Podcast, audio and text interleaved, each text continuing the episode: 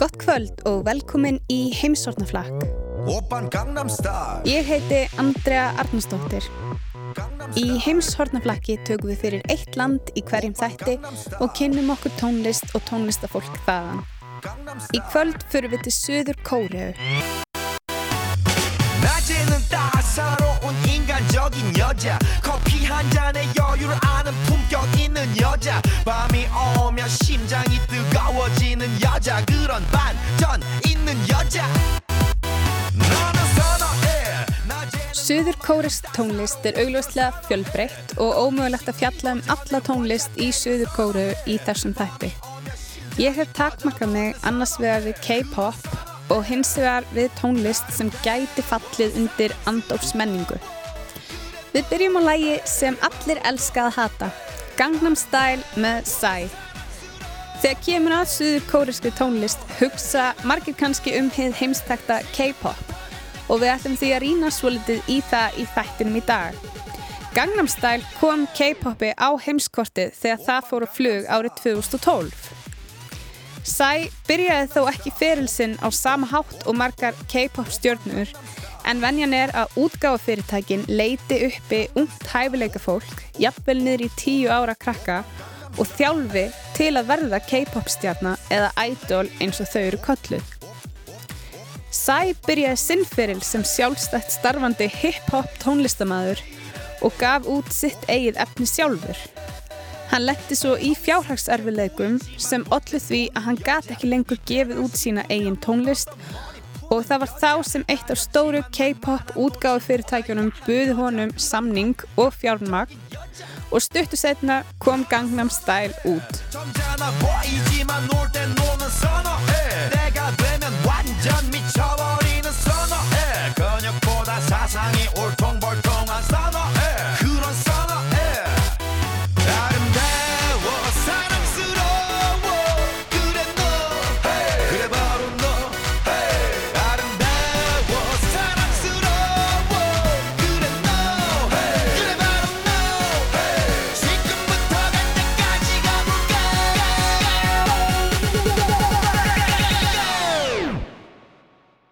오빤 강남스타일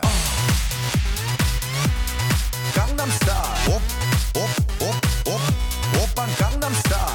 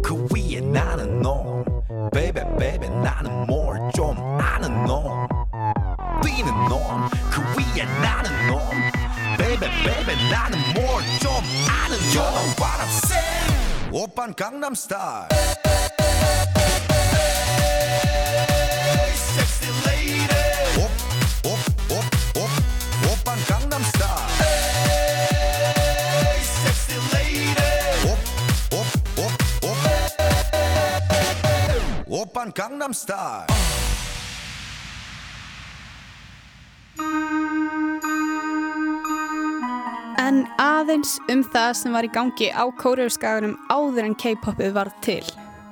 Stjórnmálinn voru flókin á kóruðurskaganum á 20. öld og eru það enn. Fyrir hluta aldarinnar tilherði Suðu Kórea Japan en hlut sjálfstæði árið 1945 þegar bandaríkjumenn og sovjetmenn bundu enda á yfiráð Japana yfir kóruðurskaganum. Og hér er einn lítil skemmtileg staðrænd. Það var kanasjómarp í Suður Kóru alveg eins og á Íslandi.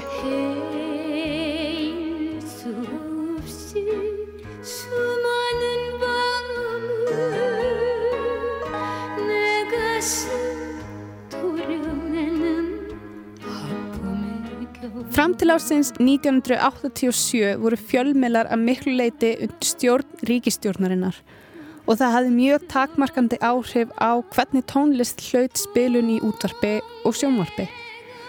Tónlist var rítskoðuð og ef umfjöllunarafnið þótti óstæmilegt eða ef tónlistin sjálf var talin hafa slæm áhrif á líðin var hún bönnuð. Svo tónlist sem helst hlaut náð fyrir augum ríkistjórnarinnar var svoköllu trott tónlist sem er blanda af kóreskri þjóðlagatónlist og bandarísku poppi og rocki sem Suður Kóriðu búar kynntust einmitt í gegnum kanasjónvarpið sitt. Umfyllunarefni trott tónlistamanna var oft ástinn, landið og þjóðinn og svo auðvitað ástinn á landinu og þjóðinni. Við erum að hlusta á Lee Minja sem er ástsæl dægulega sönguna í Suður Kóriðu. Lægið heitir Camellia Lady.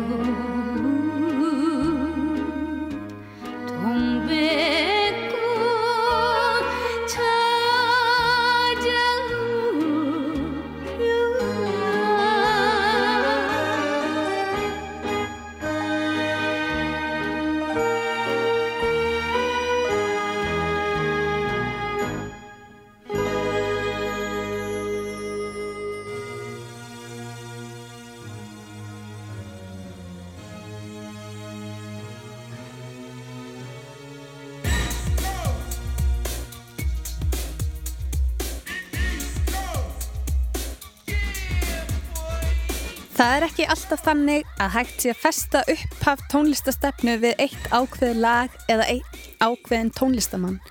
En þegar að kemur að K-popi var eitt lag sem byrjaði allt. Upphaf K-pops má reykja til dagsins 11. apríl árið 1992 þegar hip-hop hópurinn Seo Tachi and the Boys flutti lagsitt Nan Arayo eða I Know í hæfileika keppni í sjónvarpinu. Þeir skýttöpuðu en það skipti engu máli. Nan Arayó var strax vinsalasta lægið í Suðu Kóru. Þetta var mikil bylting fyrir Suðu Kóruska tónlist. Umfjöldunar efni Seo Tatsi og strákana voru ekki tengt landi og þjóð eða einhverju göfugri ást. Þeir sungu um það hvað það er erfitt að vera unglingur og pressuna á að standa sig vel í skólanum, efni sem Suður Kóresk ungmenni tengdu við. Þeir voru líka rosa sætir og flinkir að dansa svo það er ekki skrítið að þeir hafi náð þessum vinsaldum.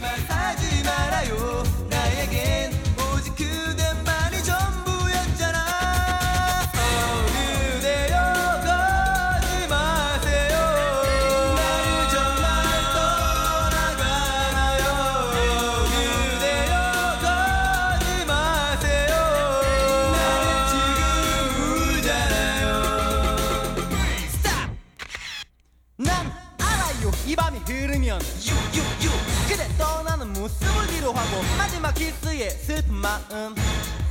정말 떠나는가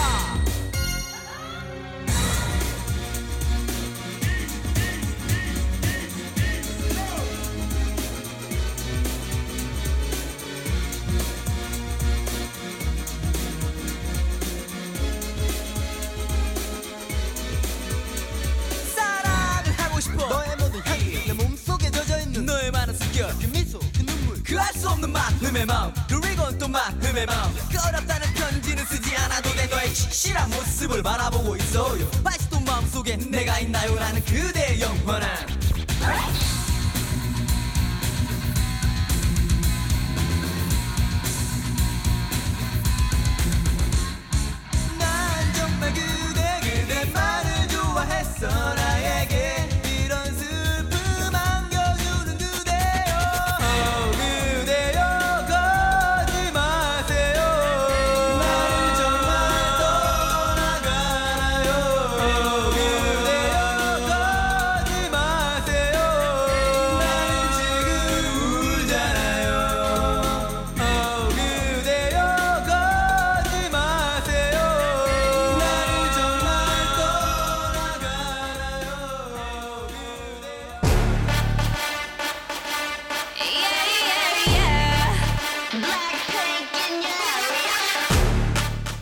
Seotachi and the Boys hættu saman árið 1996 en þá hafðu þeir umturnað söður kóresku tónlist.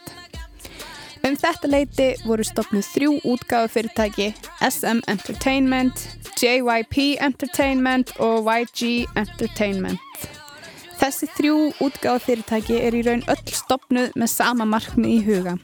Að gera söður kóreska menningu að útflutningsmöru og með söður kóreskri menningu á ég við poptónlist eða öllu heldur K-pop. K-pop er meira enn tónlist, K-pop er líka sjónrætt miðill, það er mikið lagt í útlit og ímynd hverjar hljómsveitar. Hljómsveita meðlimir eru handvaldir í hljómsveitinar eftir að hafa verið nokkur ár í sérstökum þjálfunarbúðum hjá útgáðufyrirtækjunum. Allt sem tengist hljómsveitunum er hugsað í því skyni að auðvelt sé að markasetja þar. Dálítið eins og 90's teknimyndir þar sem aðalpersonunar passa allar við einhverja erketýpu.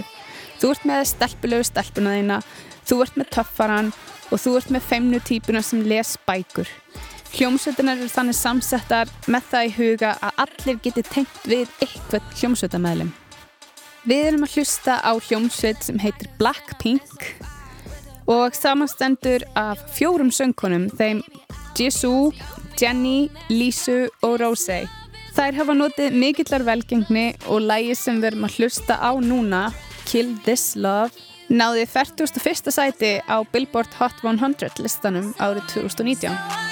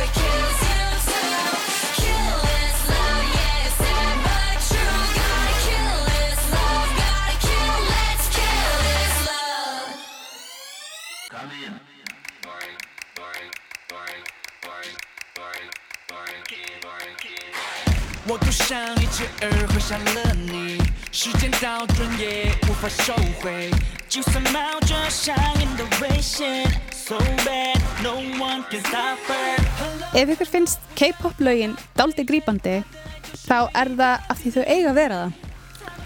Þau eru sérstaklega samin til þess að vera grýpandi og hafa það til allra. Hljómsettinar heita yfirleitt ennskum nöfnum. Þau eru oft stutt og einföld nöfn eins og Hot, EXO eða Big Bang. Orð sem er auðvelt að muna.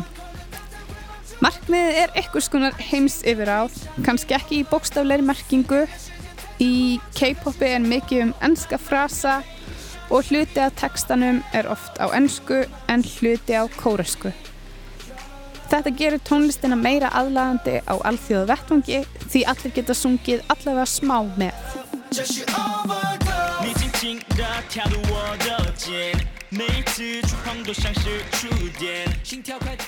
Hljómsveitin EXO skiptist í tvær hljómsveitir.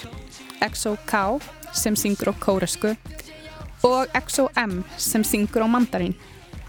Því ef ætlun er að taka yfir heiminn er nöðsilegt að taka yfir Kína líka Við erum að hlusta á EXO-M núna sem þýðir að ókunnuða tungumálið sem heyrist í læginu er ekki kóreska heldur mandarín Lægið heitir Overdose.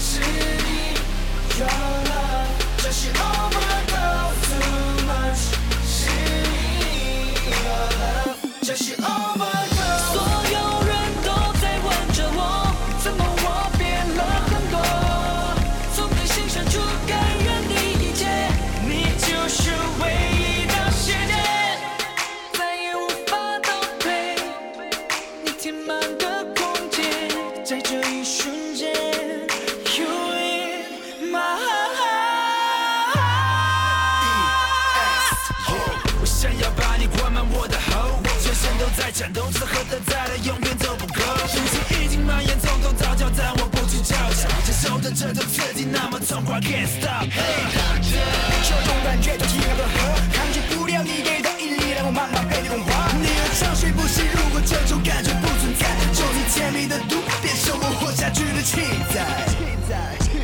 Someone call me doctor。Someone call me doctor，我的爱才能治愈。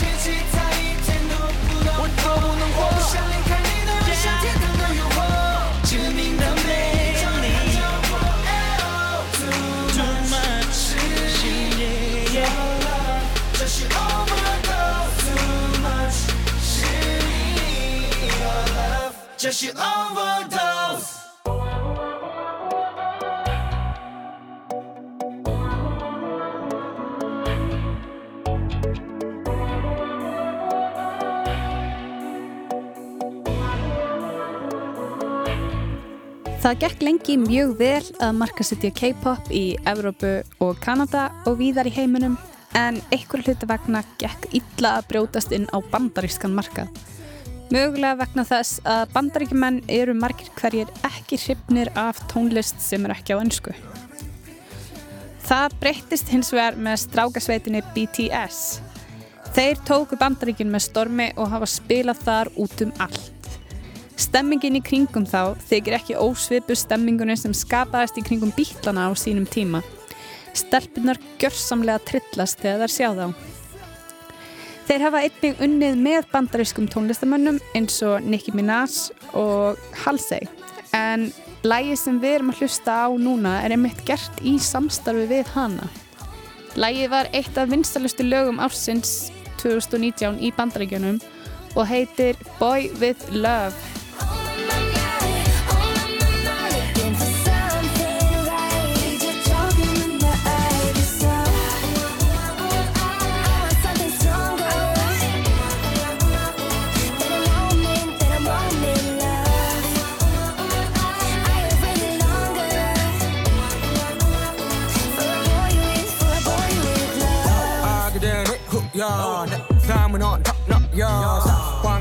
습관지 않게 만들어버린 너라는 백 하나부터 열까지 모든 게 특별하지. 가심사 걸음걸이 말투와 사소한 작은 습관들 같이. 난 말했지. 너무 작다 내가 영웅이 된 거라고. 난 말했지. 운명 따윈 전부터 내게 아니었다고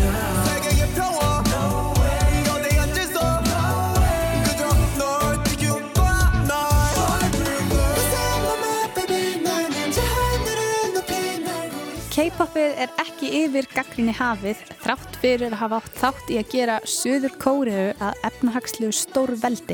K-popinu fylgir gríðarlega pressa á tónlistafólkið eða ædolinn um að líta vel út og vera rosalega grönn. Og það hefur slæm áhrif á aðdáendur sem leitast eftir því að líta út eins og stjórnar sem þeir líta svo upp til. Einnig er algengt að ædolinn fari í dýrar og stundum hættulega lítaðgerðir til þess að líta betur út og aðdáðundur afa það líka eftir ef þeir hafa efni á. Þetta hefur leitt til þess að sífælt fleiri söður kóraubúar fara í lítaðgerðir og krafan um það að líta vel út ekst stöðugt. Þá veldur þessi yðnaður því að sjálfstætt starfandi tónlistafólk á erfitt uppdráttar í söður kóraubúar. Það er hægara sagt en gert að brjótast inn í meginströymin þar sem markarinn er nú þegar mettaður. Þetta á sérstaklega við söður kóriska pop-tónlistamenn sem spila ekki K-pop, heldur öðruvísi pop eða eitthvað skonar jæðarpop. Puer Kim hefur starfað lengi í söður kóru sem pop-söngkona. Hún er gaggríninn á K-popið Lægi sem við heyrum núna, Manni og Mas, er einmitt gaggrinni á meginströmin í tónlistamenningu Suður Kóru og efnisíkjuna sem fylgir henni.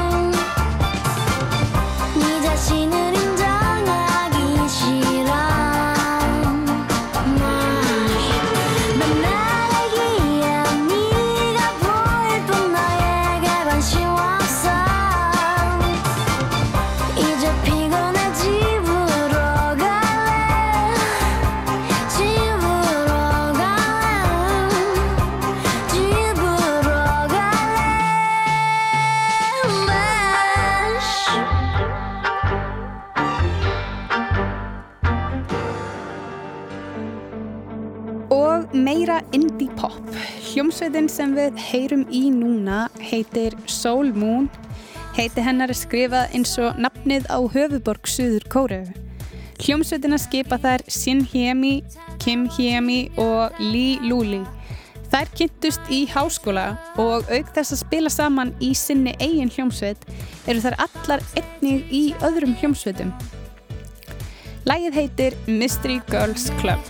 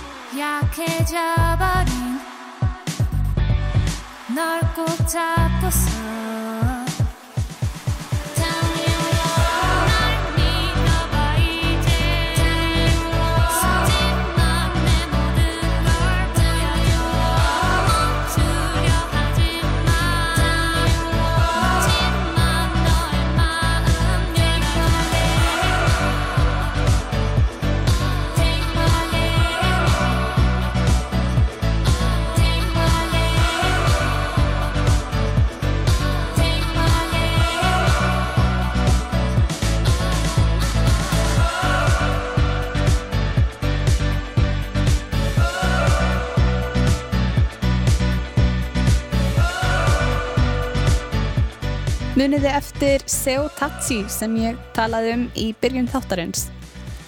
Áður en hann fann óvart upp K-popið var hann þungarokkari. Og eftir að Seo Tatsi and the Boys hættu saman snýri hann sér aftur að þungarokki og honum gengur mjög vel í því. Lægið sem við erum að hlusta á núna heitir Internet War.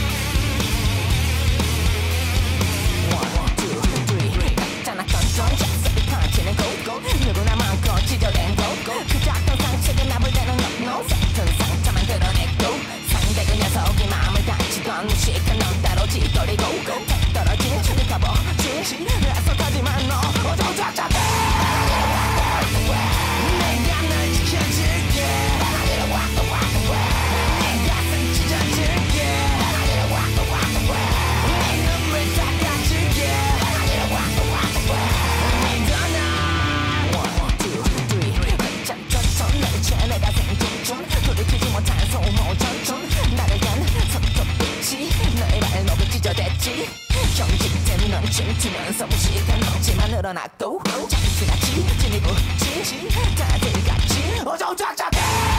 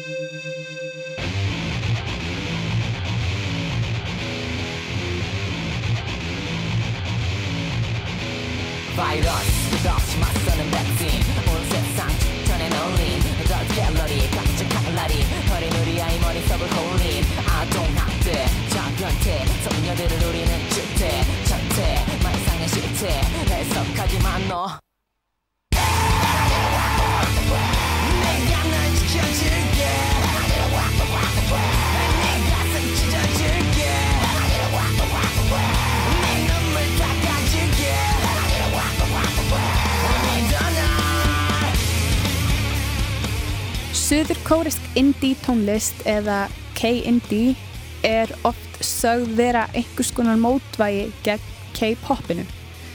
En það er kannski ekki alveg nákvæmt þar sem það var mikil gróska í indie tónlist í Suður-kóru löngu áður en K-pop var það sem það er í dag og margar indie hljómsveitir nutu góðs gengis.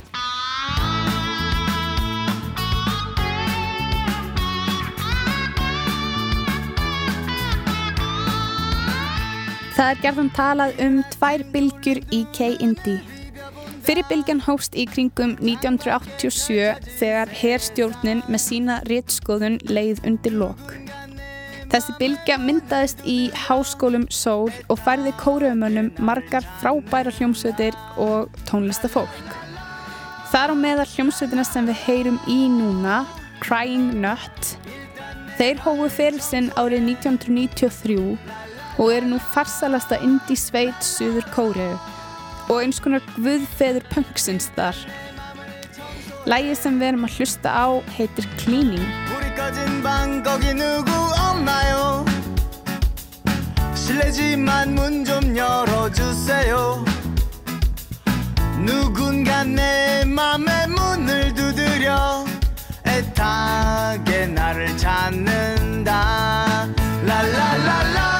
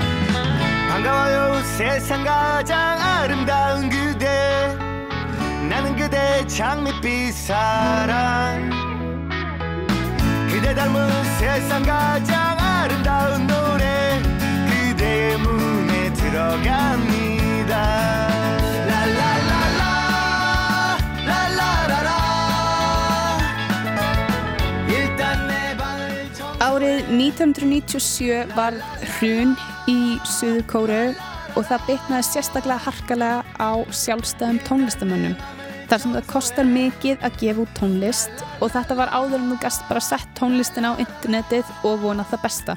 Þar að auki var mörgum helstu tónlistastöðum indísenunar lokað þegar hverfin sem þeir stóðu í gengu í gegnum miðstjættar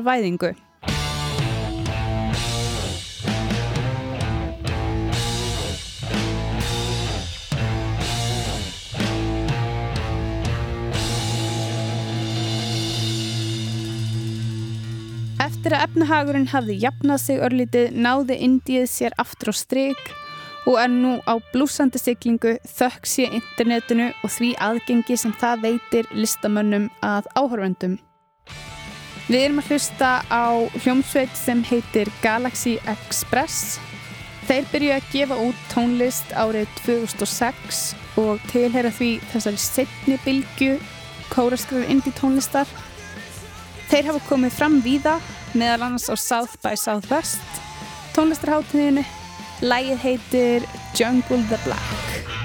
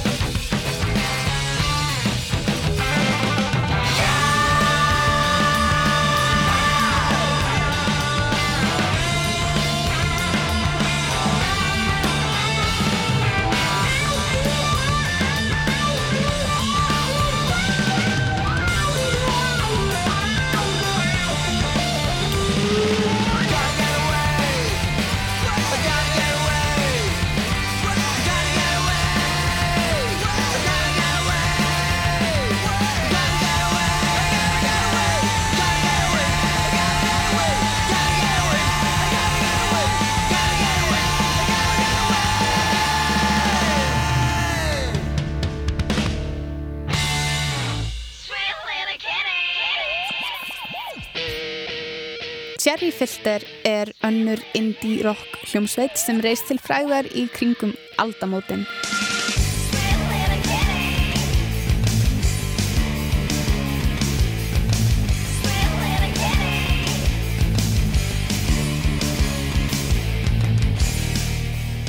Þau blanda poptónlist við alternatíft rock og þykja léttari og orkumeiri en gerist og gengur í kóresku indísönni. Lægið sem við erum að hlusta á núna heitir Sweet Little Kitty. Sweet Little Kitty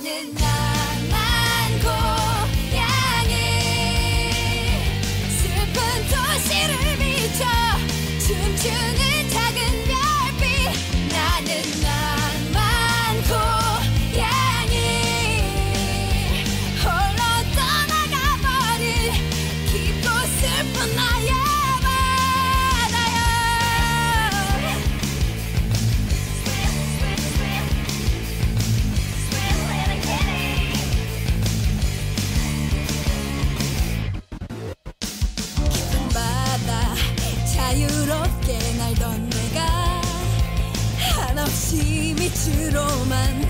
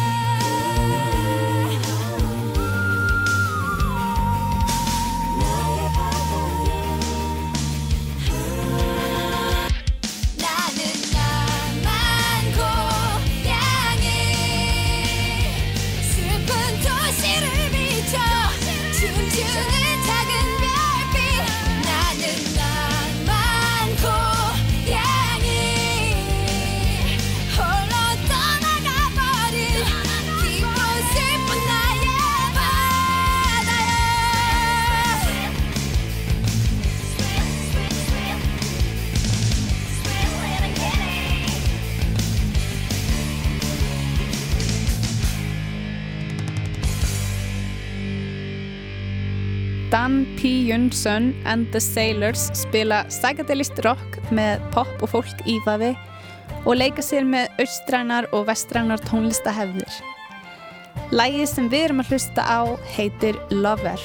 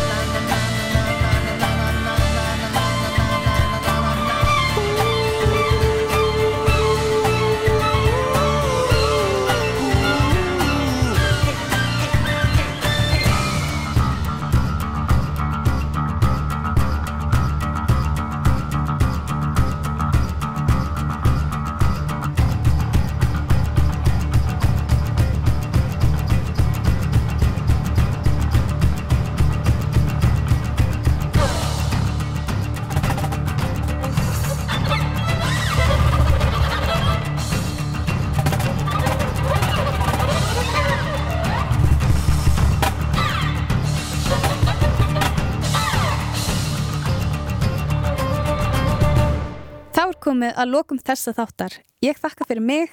Við endum á hljómsveitinni Epic High og á lægi sem heitir Lullaby for a Cat.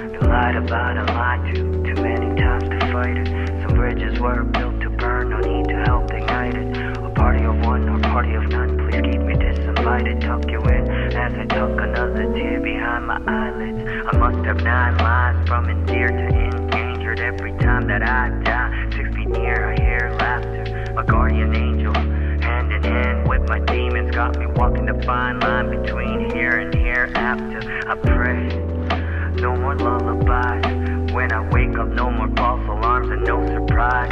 Yeah, I pray that the sun will rise. I pray that no one dies young, no more sad goodbyes.